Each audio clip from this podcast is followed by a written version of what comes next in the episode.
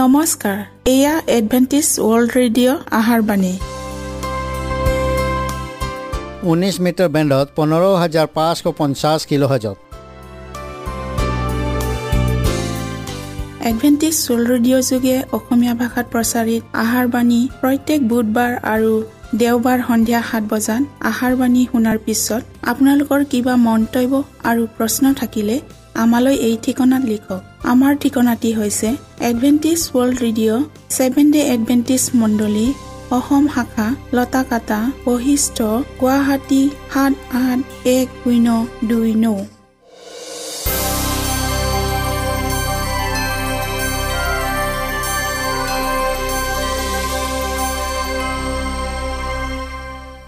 প্ৰিয় শ্ৰোতা বন্ধুসকল এতিয়া শুনো আহক এটি খ্ৰীষ্টীয় ধৰ্মীয় গীত।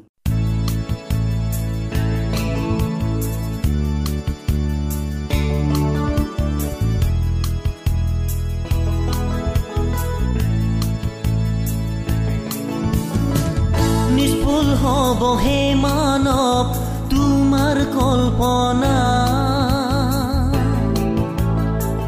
সংহাৰ হব মনীষ তোমাৰ বৃতা চেষ্টা নিষ্ফল হব হে মানৱ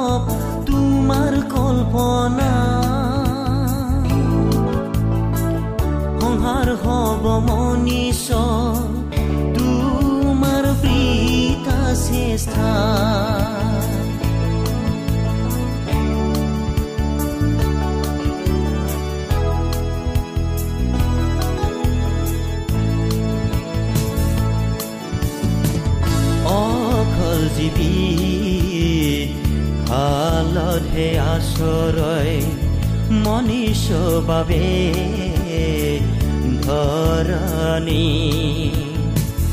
এতিয়া আছে এতিয়া জিনা। মনীষ জাতি জীৱন।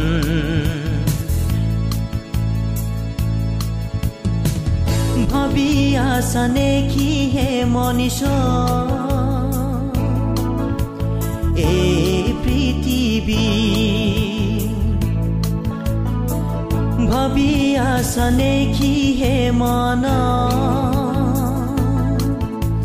সদা সৰ্বদা ভাবি আছানে কি হে মনীষ এই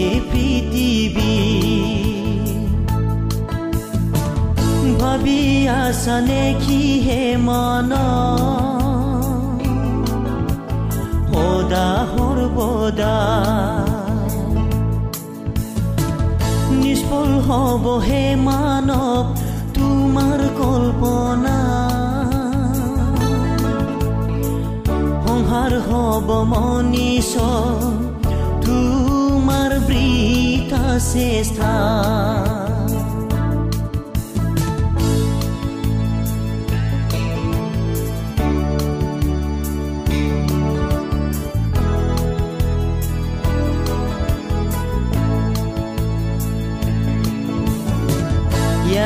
যে নহয় ভাপ থাকিবলৈ আত্মা জাগ্ৰত হৈ থাকিবলৈ হে।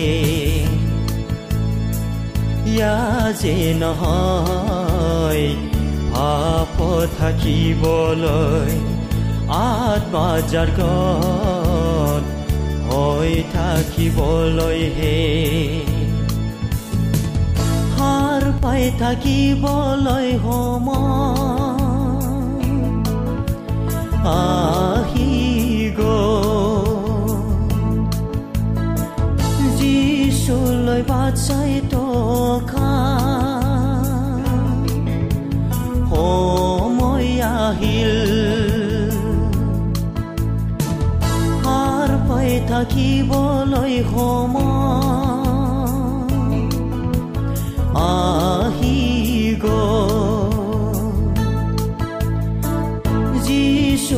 বা চাই থকা সময় আহিল নিষ্ফল তোমাৰ কল্পনা। সংসাৰ হ'ব মনীষ তোমাৰ বৃথা চেষ্টা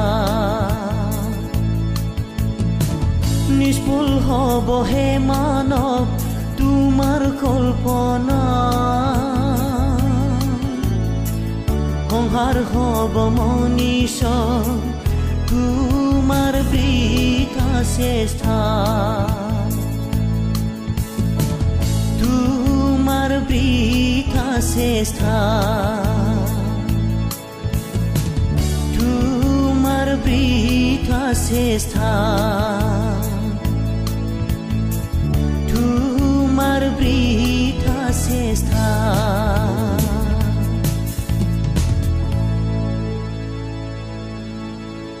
প্ৰিয় শ্ৰোতা বন্ধুসকল আহক আমি খন্তেক সময় বাইবেল অধ্যয়ন কৰোঁ হওক।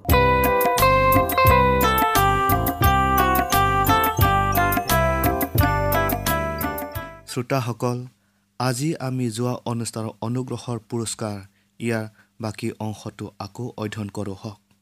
শাস্ত্ৰ পদটো আপোনালোকে মঠি ঊনৈছ অধ্যায়ৰ ষোল্লৰ পৰা ত্ৰিছ পদলৈকে মঠি বিছ অধ্যায়ৰ একৰ পৰা ষোল্ল পদলৈকে মাৰ্ক দহ অধ্যায়ৰ সত্তৰৰ পৰা একত্ৰিছ পদলৈকে আৰু লোক ওঠৰ অধ্যায়ৰ ওঠৰৰ পৰা ত্ৰিছ পদলৈকে পঢ়ক।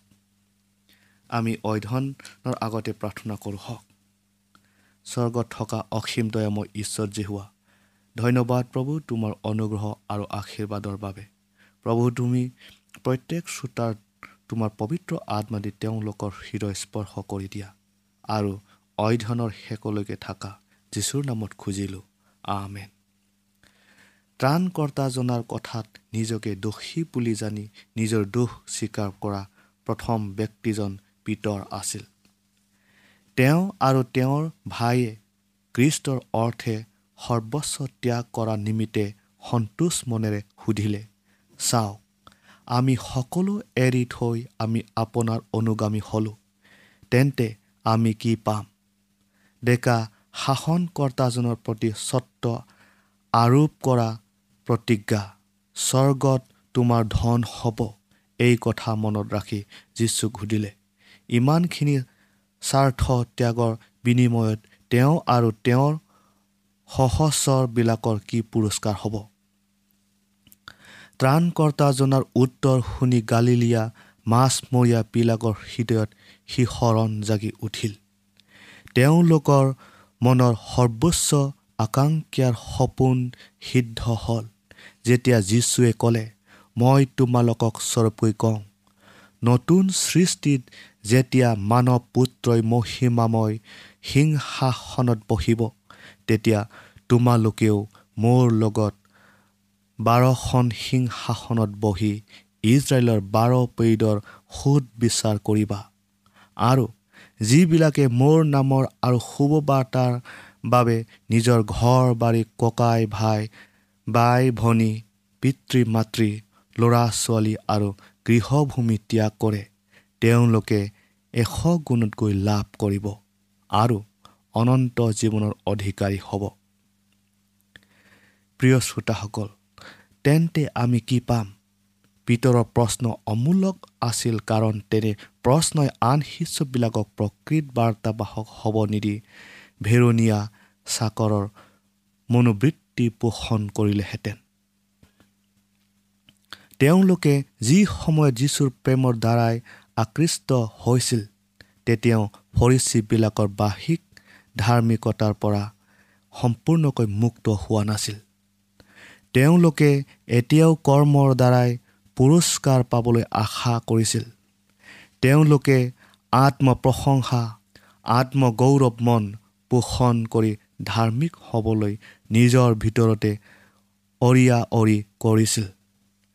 তেওঁলোকৰ মাজত কোনজন বেছি শ্ৰেষ্ঠ তাৰ অৰিয়া অৰি কৰি থাকোঁতে এজনতকৈ আন কোনোবা এজনৰ কিবা বিষয়ত ক্ৰুটি হ'লে ইজনক শ্ৰেষ্ঠতাৰ স্থান দিয়া হৈছিল। শিষ্যবিলাকে সুবাৰ্তাৰ মৌলিক আধাৰৰ পৰা দৃষ্টি আঁতৰ হৈ নাযায়। তাৰ বাবে কৃষ্টই শিষ্যবিলাকক ঈশ্বৰে তেওঁৰ দাবিলাকক কেনেকৈ আচৰণ কৰে আৰু তেওঁৰ কাৰ্যৰ অৰ্থে কেনেকুৱা মনোভাৱ লৈ তেওঁৰ কাম কৰাটো বাঞ্ছা কৰে দৃষ্টান্তৰ ব্যাখ্যাৰে বুজাই দিলে। শ্ৰোতাসকল যীশুৱে ক'লে স্বৰ্গ ৰাজ্য এনে এজন গৃহস্থৰ নিচিনা যিজনে তেওঁৰ দ্ৰাক্ষা বাৰীত কাম কৰিবলৈ নিশ্চয় পুৱাতে বনোৱা বিচাৰি গ'ল। বনোৱাবিলাকে হাজিৰা কাম বিচাৰি বজাৰৰ কোনো এটা নিৰ্দিষ্ট স্থানত গোট খাই ৰৈ থকাটো সেই সময়ৰ প্ৰচলিত ৰীতি আছিল। আৰু তাৰ পৰাই মানুহবিলাকক যাৰ যিমানজন প্ৰয়োজন হাজিৰা কামলৈ লৈ গৈছিল। দৃষ্টান্তত উল্লেখ থকা গৃহস্থজনে বেলেগ বেলেগ সময়ত বনোৱা মানুহ বিচাৰি গৈছিল। যিবিলাক বনোৱাক পুৱাৰ ভাগতে কামত লগোৱা হৈছিল সেইবিলাকক দিনৰ উচিত বেচ দিয়া হৈছিল। কিন্তু যিবিলাকক পলমকৈ কামত লগোৱা হৈছিল সেইবিলাকৰ দৈনিক বেচ দিয়া গৃহস্থৰ ইচ্ছাৰ ওপৰত নিৰ্ভৰ কৰিছিল। পাছে সন্ধিয়া হলত গৃহস্থই ঘৰ গিৰি ক'লে বনোৱাবিলাকক মাতি আনি শেষত কামত লগোৱাবিলাকৰ পৰা আৰম্ভ কৰি প্ৰথমে লগোৱাবিলাকলৈকে প্ৰত্যেককে দিনৰ বেচ দিয়া। যিবিলাক মানুহে পাঁচ বজাত কাম আৰম্ভ কৰিছিল সিহঁতক প্ৰত্যেককে সম্পূৰ্ণ এদিনৰ কামৰ বেচ দিয়া হ'ল। সেইকাৰণে যেতিয়া প্ৰথমে কামত লগোৱা মানুহবিলাক আহিলে সিহঁতে ভাবিছিল যে সিহঁতক বেছিকৈ দিয়া হ'ব। কিন্তু সিহঁতৰ প্ৰতিজনেও এদিনৰ কামৰ বেচ পালে। দ্ৰাক্ষাবাৰীৰ গৃহস্থই বনোৱাবিলাকক কৰা আচৰণ ঈশ্বৰে মানুহৰ সৈতে কৰা আচৰণৰ বুজায় কিন্তু সচৰাচৰ মানুহৰ পক্ষে ই প্ৰচলিত ৰীতিৰ প্ৰতিকূল ব্যৱস্থা। জাগতিক ব্যৱসায়ত কৰ্ম সিদ্ধ মৰ্মে ধন দিয়া হয়। বনোৱাবিলাকেও কৰ্মৰ নিৰিখ অনুযায়ী বেচ পোৱাৰ আশা কৰে। কিন্তু এই দৃষ্টান্তত কৃষ্ণই তেওঁ ৰাজ্য মৌলিক নীতি নিয়মৰ কথা ব্যাখ্যা কৰিছে। যি ৰাজ্যখন এই জগতৰ নহয় তেওঁ মানুহে ৰচনা কৰা বিধানৰ দ্বাৰাই নিয়ন্ত্ৰিত নহয়। ঈশ্বৰে কৈছে মোৰ কল্পনা আৰু তোমালোকৰ কল্পনা একে নহয় আৰু তোমালোকৰ পথ ও মোৰ পথ একে নহয়। কিয়নো পৃথিৱীতকৈ আকাশমণ্ডল যিমান ওখ তোমালোকৰ সকলো পথকৈ মোৰ পথ আৰু তোমালোকৰ সকলো কল্পনাতকৈ মোৰ কল্পনা সিমান ওখ। যিচয়া পাঁচপন্ন অধ্যায়ৰ আঠ আৰু নৌ পদত প্ৰিয় শ্ৰোতাসকল দৃষ্টান্তত দেখুওৱা হৈছে প্ৰথমে বনোৱাবিলাকে নিৰ্ধাৰিত বেচৰ বিনিময়ত কাম কৰিবলৈ মান্তি হৈছিল আৰু কামৰ উচিত বেচ পালে। কমো নহয় বেছিও নহয়। যিবিলাকক কামলৈ পলমকৈ মতা হৈছিল মই তহঁতক কামৰ উচিত বেচ দিম। মালিকৰ এই কথা সেইবিলাকে বিশ্বাস কৰিছিল। দিনৰ শেষ ভাগত কাম কৰিলে কি হিচাপত বা নিৰিখত বেচ দিব এই প্ৰশ্ন উত্থাপন নকৰি মালিকে যি ক'লে তাকে মানি ল'লে। সেইবিলাকে মালিকৰ সাধুতা আৰু সৰলতাৰ প্ৰতি আস্থা আছিল। সেইবিলাকৰ পৰিশ্ৰমৰ ভিত্তিত নহয় কিন্তু মালিকৰ উদাৰতা আৰু ইচ্ছাকৃতভাৱে দিয়া পুৰস্কাৰ। এতেকে অধাৰ্মিকক দণ্ড দিওঁতা ঈশ্বৰে আমাক তেওঁৰ ওপৰত ভৰসা কৰাটো বাঞ্ছা কৰে। তেওঁ আমাক দিবলগীয়া পুৰস্কাৰ আমাৰ কৰ্মৰ গুণত নহয় কিন্তু তেওঁৰ ইচ্ছা অনুসাৰে দিয়া পুৰস্কাৰ যিটো আমাৰ প্ৰভু কৃষ্ট যীশুৰ দ্বাৰাই সিদ্ধ হোৱা। ঈশ্বৰৰ অনন্ত অভিপ্ৰায় অনুসাৰে তেওঁ এই কৰ্ম কৰিলে। তেওঁ আমাক উদ্ধাৰ কৰিলে। সেয়ে আমি কৰা কোনো সৎকৰ্মৰ বাবে নহয় কিন্তু তেওঁৰ নিজ দয়া অনুসাৰে পবিত্ৰ আত্মাৰ দ্বাৰাই আমাক ধুই সূচী কৰি নতুন জন্ম আৰু নতুন জীৱন দান কৰি উদ্ধাৰ কৰিলে। আৰু যিবিলাকে তেওঁত ভৰসা ৰাখে কাৰণ তেওঁ আমি চিন্তা কৰিব পৰাতকৈ অতিৰিক্ত কৰ্ম কৰিব পাৰে। কৰ্ম কৰা পৰিমাণ ভিত্তিত নহয় বা দৃশ্যমান শুভ কাৰ্যৰ পৰিণামতে নহয় কিন্তু ইয়াত আত্মাৰ কাৰ্যকাৰিতাহে ঈশ্বৰৰ দৃষ্টিত মূল্যৱান বুলি স্বীকৃত হৈছে। যিবিলাকে নিজৰ শেষ ভাগত দ্ৰাক্ষা বাৰীত কাম কৰা সুযোগ পোৱাত কৃতজ্ঞ হৈছিল। যিজনে সিবিলাকক কাম কৰিবলৈ মাতি আনিছিল আৰু দিনৰ শেষত যেতিয়া মালিকজনে সিহঁতক গোটেই দিনৰ কাম কৰা বেচ দিলে তেতিয়া কেৱল আচৰিতে নহয় তেওঁৰ প্ৰতি কৃতজ্ঞতা স্বীকাৰ কৰিলে। সেইবিলাকে জানিছিল অলপ সময় কাম কৰি গোটেই দিনৰ বেচ পোৱাটো ন্যায়সংগত নহয়। আৰু যি দয়াভাৱ মালিকজনৰ মুখমণ্ডলত প্ৰকাশ পাইছিল তাকে দেখি বনোৱাবিলাকে আনন্দ কৰিছিল। গৃহস্থজনে সেইবিলাকতকৈ কৰা দয়া মমতা বা উদাৰ চিত্তে দিয়া ধনৰ বাবে কৃতজ্ঞ আছিল। এয়া পাপীজনৰ ক্ষেত্ৰতো যিজনে তেওঁৰ জীৱনৰ শেষকালত নিজকে অযোগ্য বুলি জানি প্ৰভুৰ দ্ৰাক্ষা বাৰীলৈ কাম কৰিব আহিল। তেওঁ জানিছে অধিক সময় কাম কৰিব নোৱাৰিব। পুৰস্কাৰ পোৱাৰ অনুপয়োগী সেয়া যিয়ে নহওক ঈশ্বৰে যে তেওঁ গ্ৰহণ কৰিলে ইয়াতে আনন্দৰে ভৰপূৰ হ'ল। কৃষ্টৰ সৈতে সহকৰ্মী হোৱাৰ অগ্ৰাধিকাৰ পোৱাত কৃতজ্ঞ হৈ এতিয়াৰে পৰা তেওঁ নম্ৰতাৰে বিশ্বস্ততাৰে কাৰ্য কৰিব আৰু ঈশ্বৰে সন্তুষ্ট মনেৰে গ্ৰহণ কৰিব। প্ৰিয় শ্ৰোতাসকল আমাৰ কৰ্ম অনুসৰি পোৱা পুৰস্কাৰৰ কোনো প্ৰতিবাদ নকৰি তেওঁৰ সৈতে সহযোগ কৰিবলৈ কয় যেতিয়া কৃষ্ট আমাৰ হৃদয়ত থাকে তেতিয়া পুৰস্কাৰৰ প্ৰাধান্য দিয়া ভাৱ পৰিহাৰ কৰোঁ হওক। আমাৰ স্বাৰ্থ পূৰণৰ উদ্দেশ্যে কাৰ্য কৰিবলৈ নহয়। তথাপিও ই সঁচা কথা যে আমাৰ অৱচেতন ইন্দ্ৰিয় জ্ঞানে কৰ্মৰ প্ৰতিদান পুৰস্কাৰৰ প্ৰতি সন্মান জনায়। ঈশ্বৰে আমাৰ প্ৰতি কৰা আশীৰ্বাদৰ প্ৰতিজ্ঞাৰ কাৰণে সমাদৰ কৰাটো তেওঁ বাঞ্ছা কৰে। কিন্তু সকলো ক্ষেত্ৰতে কেৱল পুৰস্কাৰৰ আশা কৰিয়ে কৰ্তব্য সম্পূৰ্ণ কৰিব লাগে। এনে মনোভাৱ পৰিহাৰ কৰা উচিত। ভাল বেয়াৰ বিচাৰ নকৰি কেৱল পুৰস্কাৰ পোৱাৰ আশাতে আমি নিজকে উত্তেজিত কৰা অনুচিত। ঈশ্বৰৰ প্ৰতি আৰু আনৰ প্ৰতি প্ৰেম প্ৰদৰ্শন কৰাটোৱে আমাৰ লক্ষ্য হওক। এই দৃষ্টান্তৰ দ্বাৰাই স্পষ্টকৈ দেখুৱাইছে যিবিলাকে প্ৰথম আহ্বান শুনি প্ৰভুৰ দ্ৰাক্ষাবাৰীলৈ গৈ কাম কৰিবলৈ ইচ্ছা নকৰিলে তেওঁলোকক ক্ষমা কৰা নহ'ব।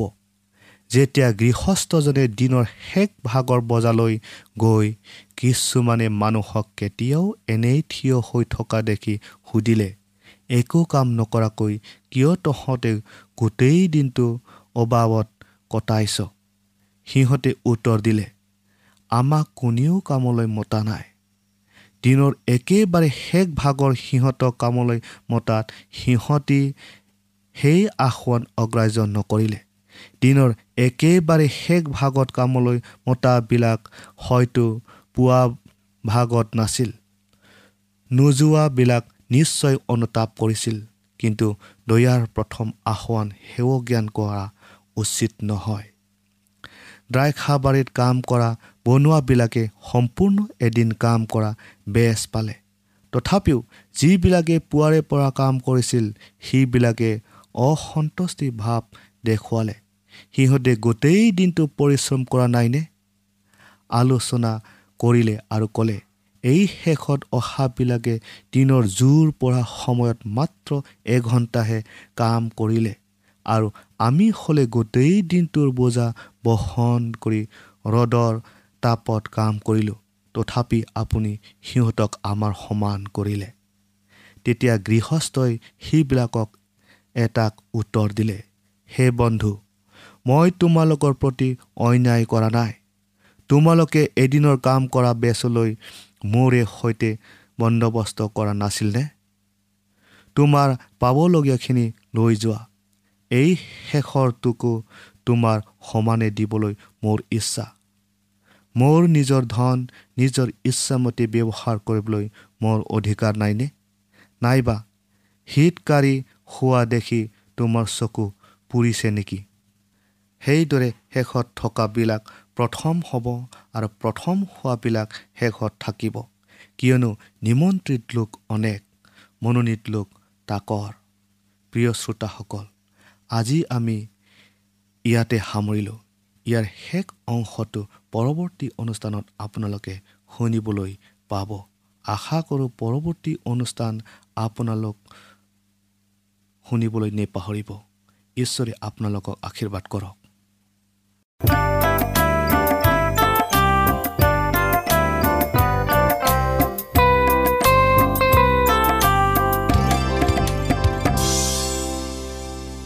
ইমানপৰে আমি বাইবেল অধ্যয়ন কৰিলোঁ। এতিয়া আকৌ শুনো আহক এটি খ্ৰীষ্টীয় ধৰ্মীয় গীত।